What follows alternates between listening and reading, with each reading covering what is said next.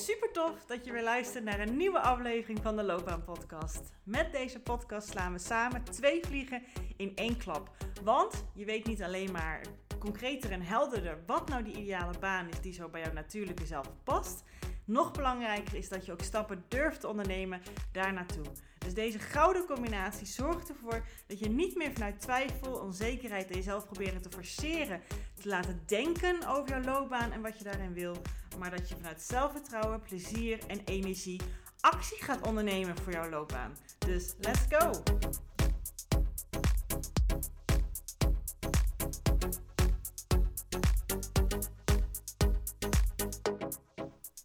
Hey, hey, hey.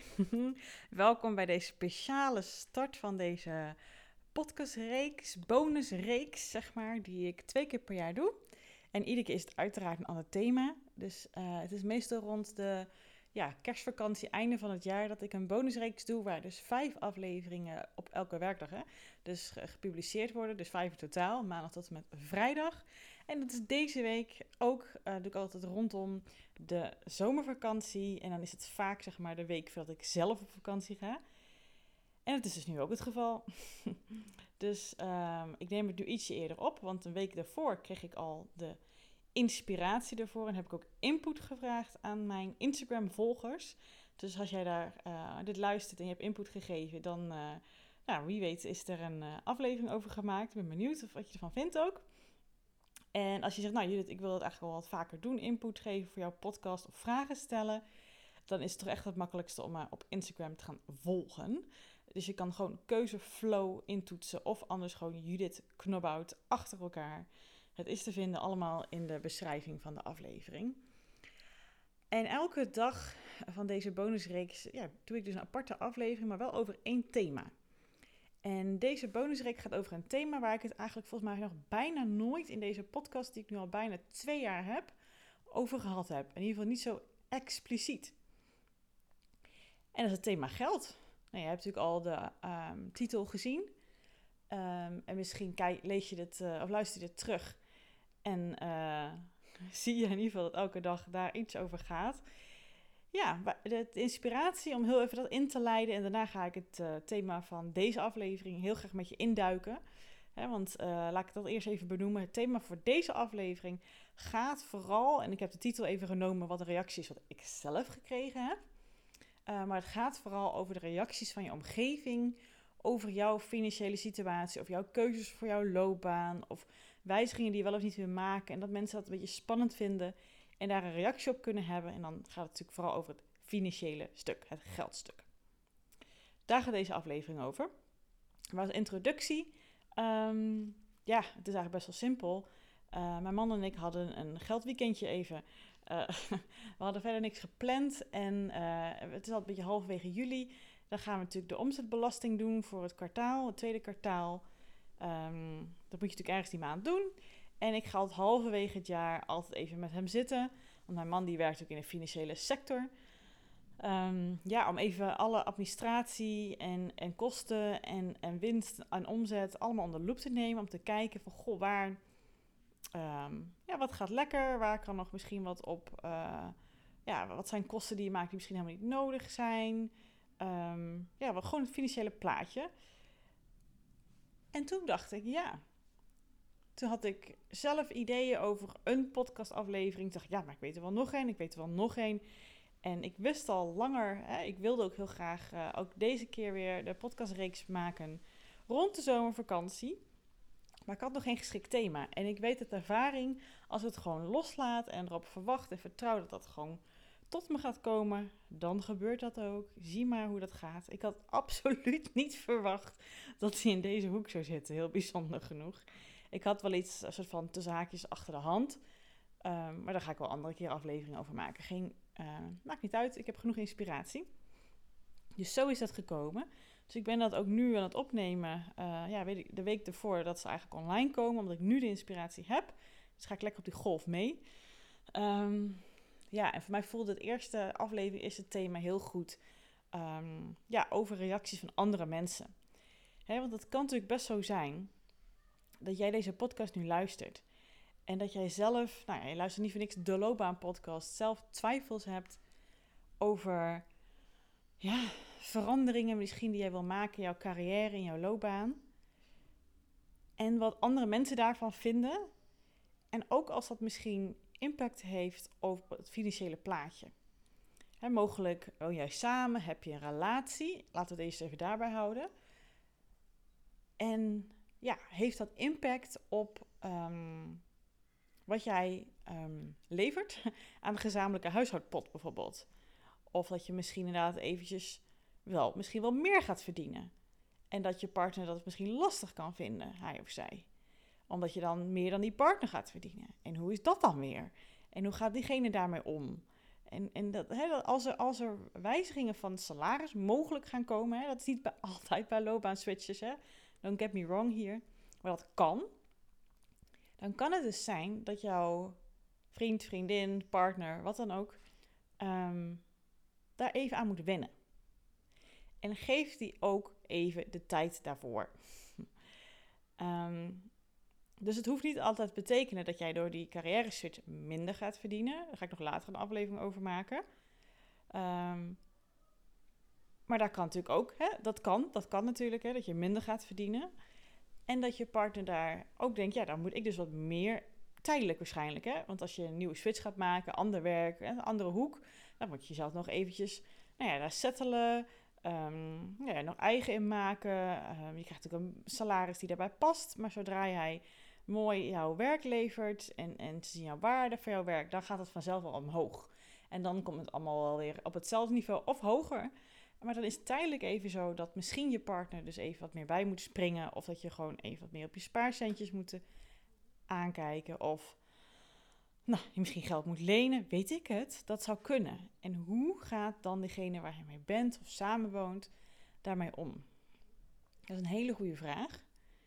En ehm, ja, het is belangrijk, denk ik, hè, dat is ook mijn eigen ervaring, dat je die andere persoon ook heel eventjes hun reactie de ruimte mag geven. Dat het iets van hun is en niet iets van jou is. Dat is eigenlijk de hele strekking ook van deze aflevering, maar ik ga je nog verder hierin meenemen. En het kan natuurlijk ook zijn, wat ik net zei, is dat je misschien meer gaat verdienen. Weet jij het? En dat dat dus scheve gezichten of scheve. Nou de balans is dan weer anders. En hoe gaat die persoon daar dan weer mee om? En ook dat zegt vaak heel veel over hun money mindset. En niet per se iets over jou. Maar dat zij er even moeite mee kunnen hebben. En laat het ook eventjes zijn. Ik heb daar zelf ook even om een klein uitstapje te maken. Um, want ik ga straks nog wat andere reacties met je doornemen, benoemen. Maar de titel van deze aflevering heet Daar is geen droge brood in te verdienen. En jawel, dat is een keer tegen mij gezegd. En ik ga hem toch even zo inluiden, want je hebt, we hebben het net ook over partners gehad. Maar mogelijk, hè, ik, ik, hoop het voor je, dat je, uh, je hebt ouders en dat ze mogelijk nog leven. Uh, of niet, maar misschien hebben ze daar wel eens reacties op gehad bij jou, op jouw financiële situaties. Of jouw keuzes die je maakt in jouw loopbaan. En ook daar zit iets in. Hè? Hoe zij naar geld kijken, hoe zij met geld omgaan. Wat jouw mogelijke partner niet verdient. Um, als ze misschien broertje, zusje hebben en, en, jouw, en jouw ouders die willen wel eens een cadeautje doen qua schenking of geld. Um, hoe vaak, eh, weet ik veel, toen je jong was, kreeg jij je rijbewijs betaald of niet? Heb je zelf je opleiding betaald of niet? Wat was de, wat was de kijk op geld bij jou thuis vroeger toen jij nog thuis woonde? En hoe is die nu? En hoe kijken ze ook naar jou? En welke keuzes jij maakt in jouw loopbaan? Dat is ook, dat heeft impact op je. Het blijven je ouders of ze levend zijn of niet. Dat voel je gewoon, dat zit in je. En als jij dan denkt, oeh, ik ga nu minder verdienen of ik ga meer verdienen, je bent toch steeds bezig. Of je het nou wil of niet. Je kan wel zeggen, nee hoor, dat doe ik niet. Ik ben er niet gevoelig voor. Ehm, dat zou ik ook kunnen zeggen. Maar toch ergens zit hij nog een klein beetje. Hè, wat als je dit gaat kenbaar maken, als je hier iets van zegt, vinden zij daarvan? En deze opmerking waar deze titel op slaat, daar is geen droog brood in te verdienen. En ik zeg hem nu heel simpel, hè. Maar die zei mijn vader twaalf jaar geleden, toen ik besloot om een eigen bedrijf te starten in coaching. En ik, ja, die, die situatie staat nog op mijn netvlies. want, want het, um, ik moest even de deur dicht doen hier, want het waarde een beetje hard. en ik zit hier gewoon thuis het op te nemen. Uh, ja, hij staat gewoon echt nog op mijn netvlies. Dat kan ik gewoon als de dag van gisteren... Nou, dat is misschien omdat ik hem tussen wel wat verwerkt heb. Maar laten we zeggen uh, vorige maand. Klein beetje verschillen. Uh, zie ik het gewoon nog voor me. Ik weet nog dat ik... mijn man en ik waren toen nog niet getrouwd, maar we woonden samen. En we kwamen thuis bij mijn ouders om lekker te eten. En ik weet nog precies waar ik zat aan tafel. Ik weet ook waar mijn vader zat. Um, en ik weet niet precies hoe ik het verteld heb, maar ik, voor mijn gevoel vertelde ik met trots. En dat, dat, dat ik een keuze gemaakt heb, dat ik weet wat ik wil. Dat, ik, dat heb ik met, met mijn man Bas besproken. Het was zelfs zijn idee en, en het was ook even wennen, want ik kom niet uit een ondernemersfamilie. Um, dat was dus wel duidelijk aan de reactie van mijn vader te merken. En ik vertelde het zo, dat ik coach wilde gaan worden, eigen bedrijf op wilde gaan richten. Um, en ik had al lang het plan hè, om het begin, als je een eigen bedrijf opstart, om daar gewoon part-time naast te werken. Had ik nog niet verteld aan hem. En het was even, toen ik dat tegen hem zei, was het even ijzig stil. En hij keek me heel boos aan.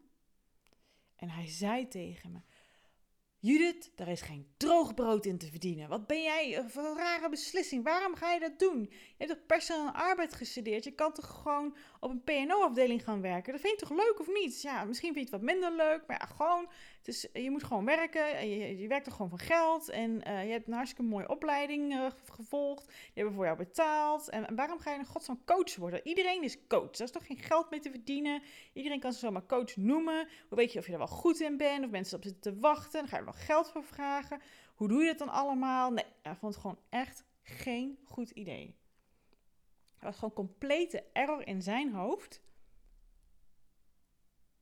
En had alles te maken met zijn kijk op ondernemerschap, zijn kijk op werk en zijn kijk op geld. Maar daar ben ik pas veel later achter gekomen, want op dat moment hakte dat er zo in bij mij. Ik moest er echt even van bekomen. Um, en daarom hè, weet ik het nog zo goed hoe dat ging ja, het was gewoon echt een best een hevige schok. Ik heb ook geen idee wat mijn moeder gezegd heeft. Ik weet het echt niet meer. Ik weet alleen wat mijn vader gezegd heeft. Ja, een van de twee belangrijkste personen in mijn leven natuurlijk, mijn ouders. En achteraf kwam ik er dus inderdaad gewoon achter dat het wat het is wat ik net zei. Dat hij zo, nou ja, hij heeft altijd gewerkt uit angst om zijn baan te verliezen. Want hij was de broodwinnaar bij ons thuis. Hè. Hij had een vrouw, die werkte part-time in de, in de secretaresse in de administratie, had twee kinderen. Uh, ja, dat werk wat mijn moeder deed was natuurlijk niet echt een vetpot. Mijn vader had gewoon een hartstikke goed betaalde baan. Maar hij vertelde mij later dat hij elke dag opstond met de angst om zijn baan te verliezen. En zo knijters hard werkte ja, uit die angst. En hij heeft hem nooit verloren, hij is ook nog nooit ontslagen. Maar constant leefde hij daarmee. En voor, voor, op dat moment was het, was het zijn nachtmerrie dat, dat iemand niet een vast contract had, ervoor koos. Hè? Um, en dat wel zou kunnen doen, maar er specifiek voor koos om het niet te gaan doen. Om een onzeker bestaan te gaan leiden in ook nog ondernemerschap, wat inderdaad in zijn beleving iedereen zomaar uh, doet en misschien ook kan. Um, ja, dat was voor hem echt, dat paste gewoon niet in zijn beeld ja, dat, dat hakte er echt in bij mij. Ik ben er ook gewoon trots op dat ik ehm, het niet leidend heb laten nemen in mijn keuze voor ondernemerschap. Ik heb het natuurlijk in een treuren besproken met Bas. Ehm, waardoor ik het wel een beetje, en met vrienden, waardoor ik het toch wel weer een plekje kon geven. Want dit wilde ik heel graag doen. Dit was mijn keuze, mijn passie, mijn weg. Ik zag het zo en ik voelde het zo duidelijk. En het voelde echt als een klap in mijn gezicht dat ik dit van een van de belangrijkste mensen in mijn leven hoorde even in de tussentijd is hij de grootste fan van mij. Hè. We zijn nu twaalf jaar verder. Op, mijn, uh, op onze bruiloft heeft hij nog lopen oreren over hoe mooi hij mijn werk vindt en hoe hij mooi die. En ondertussen is hij zelf ook nou ja, semi-ondernemer, want hij is freelance docent. Dus ja, hij is er wat van uh, bijgedraaid. Dus is ook met pensioen, dus uh, die angst is er niet meer. Maar heel af en toe speelt het wel op hoor. Dan vraagt hij wel eens naar mijn winst. Of, of hè, wat ik verdien. En vooral nu, maar goed, dat is een andere aflevering nu ik een bepaalde besluit heb genomen voor mijn bedrijf, ehm, ja, waardoor het financieel even wat minder is nu, ja, dat vindt hij gewoon lastig. Ik kies er dus bewust voor om daar niks over te zeggen. Om daar weinig, als hij directe vragen stelt, ja, geef ik daar sumier antwoord op, omdat ik weet dat het hem raakt. En dat raakt mij natuurlijk weer. Ik ben, ik ben een gevoelig persoon, dat is ook gewoon zo. Ja, dus dat doe ik dan ook zo. Maar dat, dit zou ook voor jou kunnen gelden. Hè? Mensen in je omgeving, ouders, partners, vrienden, whoever, collega's, die uh, reageren op jouw financiële situatie. Jij maakt misschien een promotie op je werk, gaat ander werk doen. Ja, dan wie weet wordt er bij jullie op het werk bekendgemaakt wat dat betekent, op welke schaal je zit. Mensen moeten er echt even aan wennen en gaan altijd primitief reageren vanuit hun eigen moneyverhaal. Dat is wat ze mensen doen. En dat heeft niet zoveel met jou te maken als jij misschien denkt. En als je het dan ook nog eens leidend gaat nemen in hoe jij naar je eigen salaris of ondernemerswinst gaat zitten kijken, dan zit je naar de verkeerde hoek te kijken. Dat zegt alles over hun en eigenlijk niks over jou. Dat, dat mensen bijvoorbeeld tegen jou gaan zeggen als jij ander werk wil gaan doen of, of het onzeker op wil gaan, want dat is vaak het geval. Het onzekere kiezen onzekere pad kiezen van iets wat je denkt, oh, dat lijkt me fantastisch om te gaan doen. Ik heb het helemaal uitgezocht, misschien een loopbaantraject voor gevolgd. Maar dat heeft even wat impact op mijn omgeving op korte termijn. Dat mensen dan dingen kunnen zeggen als, ja joh, weet je wat jij deed, dat kan je toch zo goed joh, waarom moet je veranderen? Dat is toch helemaal niet nodig? En ja joh, je werkt toch gewoon voor het geld, dat is toch gewoon de voornaamste reden. Waarom moet je dan wijzigen? Als, als wat je nu doet een zesje, zes en halfje is, iets voldoende. Of vroeger, joh. Vroeger deden we dat ook. Eh, was, was werk gewoon werk hoor. Je moet, doet veel te moeilijk. Het is allemaal niet mogelijk wat jij wil. Dat kan allemaal niet. Het was voor mij ook niet zo. Dus voor jou ook niet zo. Uh, stel je niet zo aan. Uh, hè, werk is maar werk. En je leeft lekker voor de weekenden en avonden. Um, en je moet blij zijn met je vaste contract. Dat krijg je echt niet overal hoor. Als je nieuw begint, moet je maar hopen dat je een keer een vast contract krijgt. Tegenwoordig is het allemaal niet zo mogelijk hoor. En uh, vast contract is echt, uh, dat, daar moet je voor gaan. Dat is het allerbelangrijkste. Niet jouw zingeving, jouw werk, jouw plezier. Uh, nee, daar gaat het allemaal niet om. Nee. En zo kan ik er nog wel veel vertellen. Ik hoor, er, ik hoor het ook vaak van mijn klanten. Dat het gewoon meespeelt. Soms al de keuze voor het loopbaantraject en de investering daarvoor. En dat is logisch. Hè? Soms dan heb je plannen op financieel gebied en dan ga je dit doen. Is handig om even om de tafel te gaan zitten. Maar check eerst even bij jezelf. Wat wil jij? Hoe kijk jij naar dat geld aan? En ga dan ook vanuit die hoek wel of niet het gesprek aan. En bij de mensen waar het direct effect op heeft, ja, daar is het dus heel handig om dat even te bespreken, zodat zij ook hun zegje erover kunnen doen, zodat je samen kan onderzoeken of het inderdaad uh, te doen is, zodat je ook daar de barrière misschien uh, van weghaalt. En er is zo vaak zoveel meer mogelijk dan je denkt. Ik heb namelijk, het schiet me te binnen. Ik ben natuurlijk, wat ik net vertelde, uh, eerst begonnen met mijn bedrijf bijna 12 jaar geleden. In, ik geloof begin oktober 2011, ik zeg het goed hè? Ja, heb ik me ingeschreven. En, um, zeg ik het dan goed? Nou goed, eind september, begin oktober ergens kan het zo opzoeken, maar ik weet het nu even niet 100% zeker. En toen heb ik me echt een aantal jaar daarnaast gewerkt als parttime, wat dan ook is. Ik ben begonnen als uh, heel veel zwangerschapsverlof-invaller zijnde. Ik ben begonnen, ik, ik, ik was ook begonnen als studiekeuzecoach. En um, ik ben dus probeerde wel dingen te vinden die daar het meest bij aansloot. Maar goed, in het begin heb ik op universiteiten administratief werk gedaan. Nou ja, dat was mijn mbo-opleiding die ik gedaan heb. Dus weet je, twee vingers in mijn neus ging gewoon prima. En mijn HBO-opleiding was personeel en arbeid, HRM, hoe je het wil noemen. En later ben ik ook echt bij universiteiten op afdelingen rondom studentenbegeleiding, uh, heroriëntatie op studies, uh, studentenwelzijn. Heb ik mooie workshops mogen geven, trajecten heb ik gewoon heel veel, ja, gewoon de vraag in mijn netwerk uitgezet. En dan heb ik meerdere keren mensen vervangen of, of bijgesprongen. Dat, daardoor ben ik nu ook nog steeds externe trainers voor de studenten van een universiteit die naar de arbeidsmarkt uh, de stap zetten en nou ja, zelfinzicht willen verkrijgen over wat ik eigenlijk in mijn loopbaantraject ook doe, maar dan alleen op de praktische laag. Hè, wat wil ik, wat kan ik en waar kan ik dat vinden? Uh, vind ik nog steeds leuk om te doen. Dus zolang dat nog gewoon leuk is en blijft, mogelijk blijft, doe ik het ook gewoon nog steeds. Um, heb ik dat gedaan. Uiteindelijk ben ik ook twee jaar decaan geweest op een middelbare school. Um, waar ik dus lessen gaf, echt hè, les gaf aan uh, drie, uh, derde jaar havisten en derde jaar uh, gymnas, gymnasten. Hoe zeg nou? En ateneumleerlingen, gymnasiumleerlingen. dus HAVO, VWO en gymnasium. En ik had mezelf aangepraat dat dat nodig was. Als voor, om het financieel gelijk te staan met Bas. Hè, dan heb ik mijn eigen bedrijf, want dat liep toen al aardig hoor. Ik denk dat we nu al zo'n vijf jaar verder zijn. Ik denk van 2017, denk ik zo uit mijn hoofd. En het liep al wel aardig. Ik had het hartstikke druk. Maar niet voor mijn gevoel financieel genoeg, nog niet genoeg. Dus ik ben gaan solliciteren en zo ben ik geloof ik, wat is het, drie dagen um, gaan werken. Wat is het dan van 8 tot 4? Van 8 tot 3 ligt een beetje aan de drukte van de dag, zodat ik daarnaast nog wel eens een gesprek erin kon uh, plannen of s'avonds door kon gaan. En had ik nog één à twee dagen, afhankelijk van hoeveel het werk, um, ja, wat ik daarnaast uh, voor mijn bedrijf kon doen. En ik weet 100% zeker nog heel goed dat ik dat vooral deed vanuit financieel oogpunt.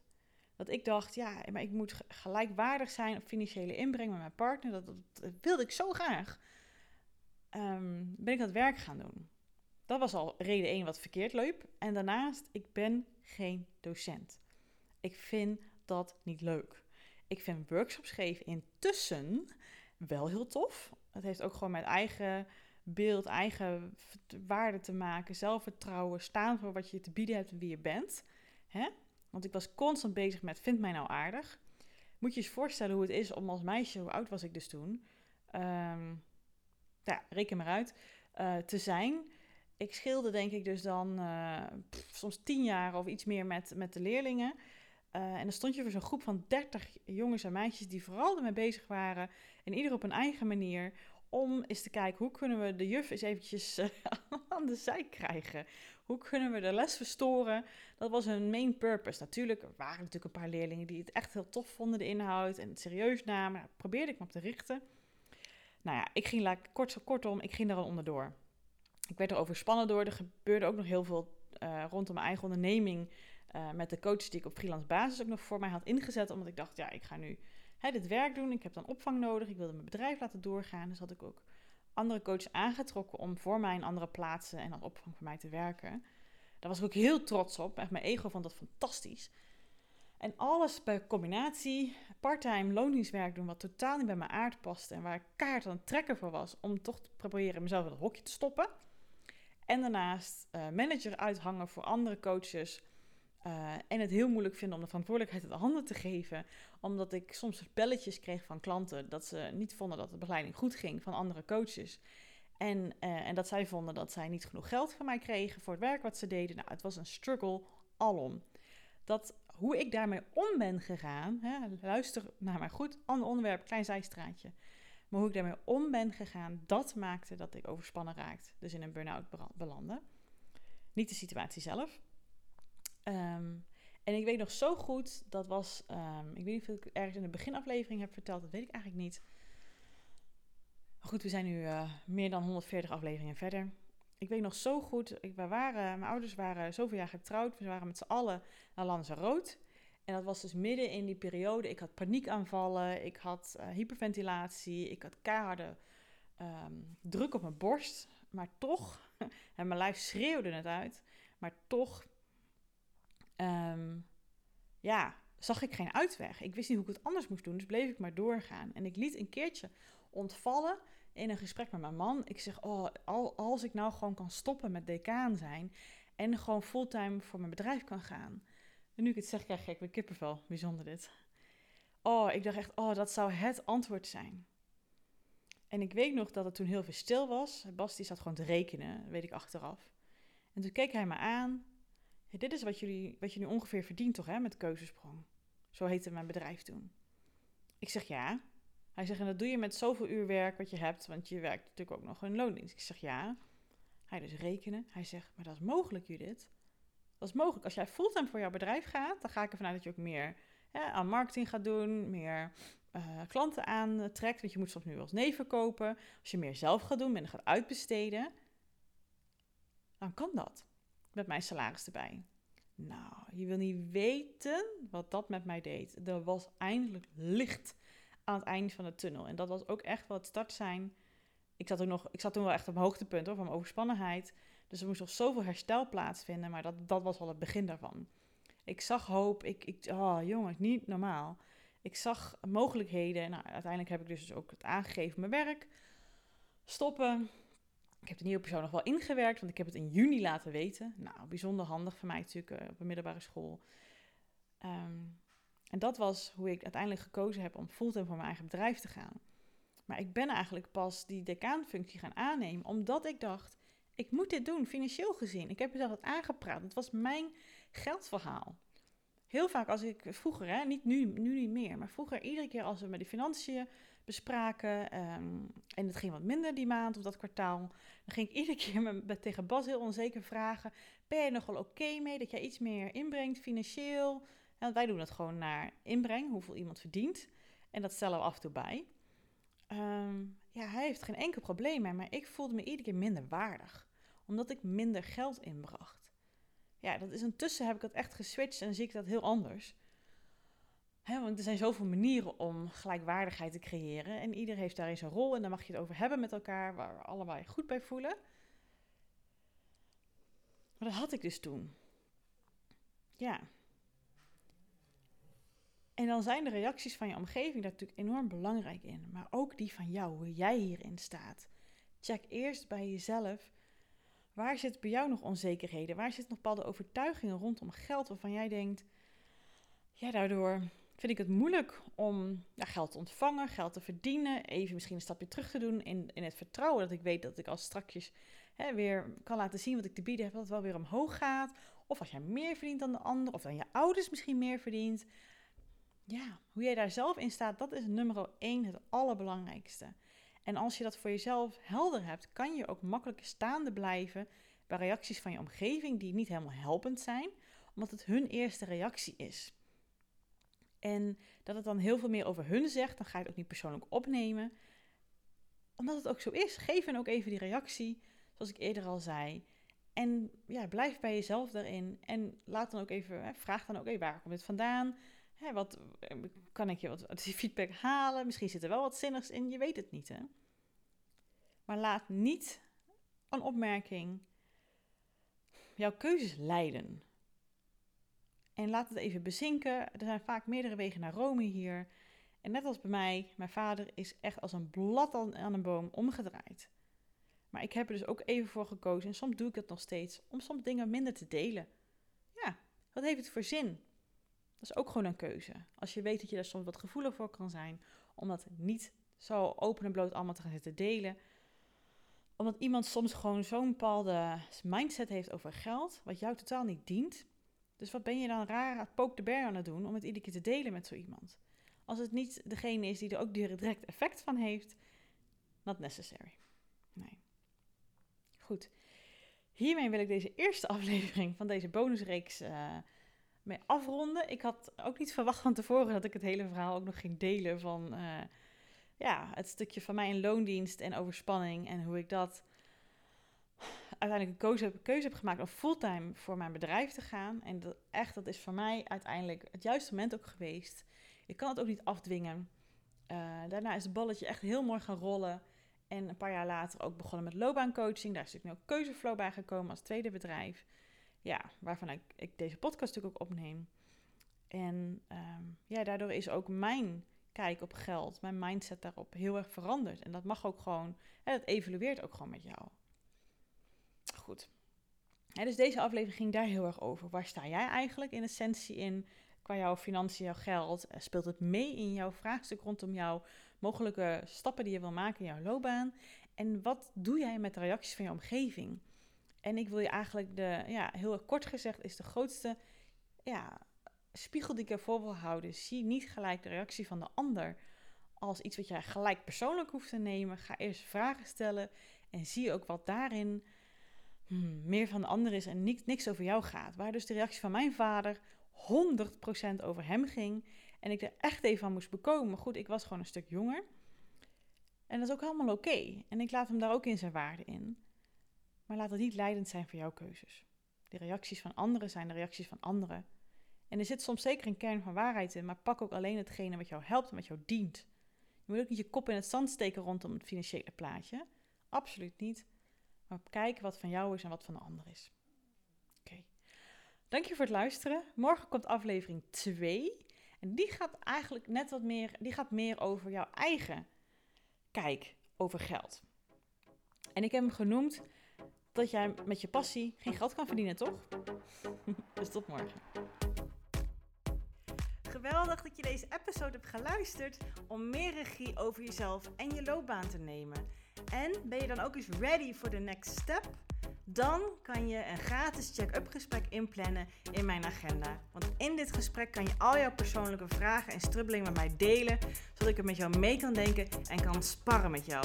Nou, dat doe je door als eerste naar www.keuzeflow.nl/slash checkup te gaan. Deze link vind je ook gewoon in mijn show notes. Daar vind je ook alle links naar mijn socials. Dus als je het super tof vindt om mij te volgen in het leven als loopbaancoach en haar klanten met alles wat erbij komt kijken, vind ik het hartstikke leuk om ook jou terug te volgen. En als laatste vraagje aan jou. Vond je deze podcast waardevol? Nou, dat hoop ik wel als je tot zover luistert. Wil je dan alsjeblieft, als je dat nog niet gedaan hebt, deze podcast reviewen of sterren geven die jij vindt dat het verdient? Want zo vinden meer mensen deze podcast en kan ik ook deze waarde met hun delen. Dankjewel alvast en tot de volgende aflevering.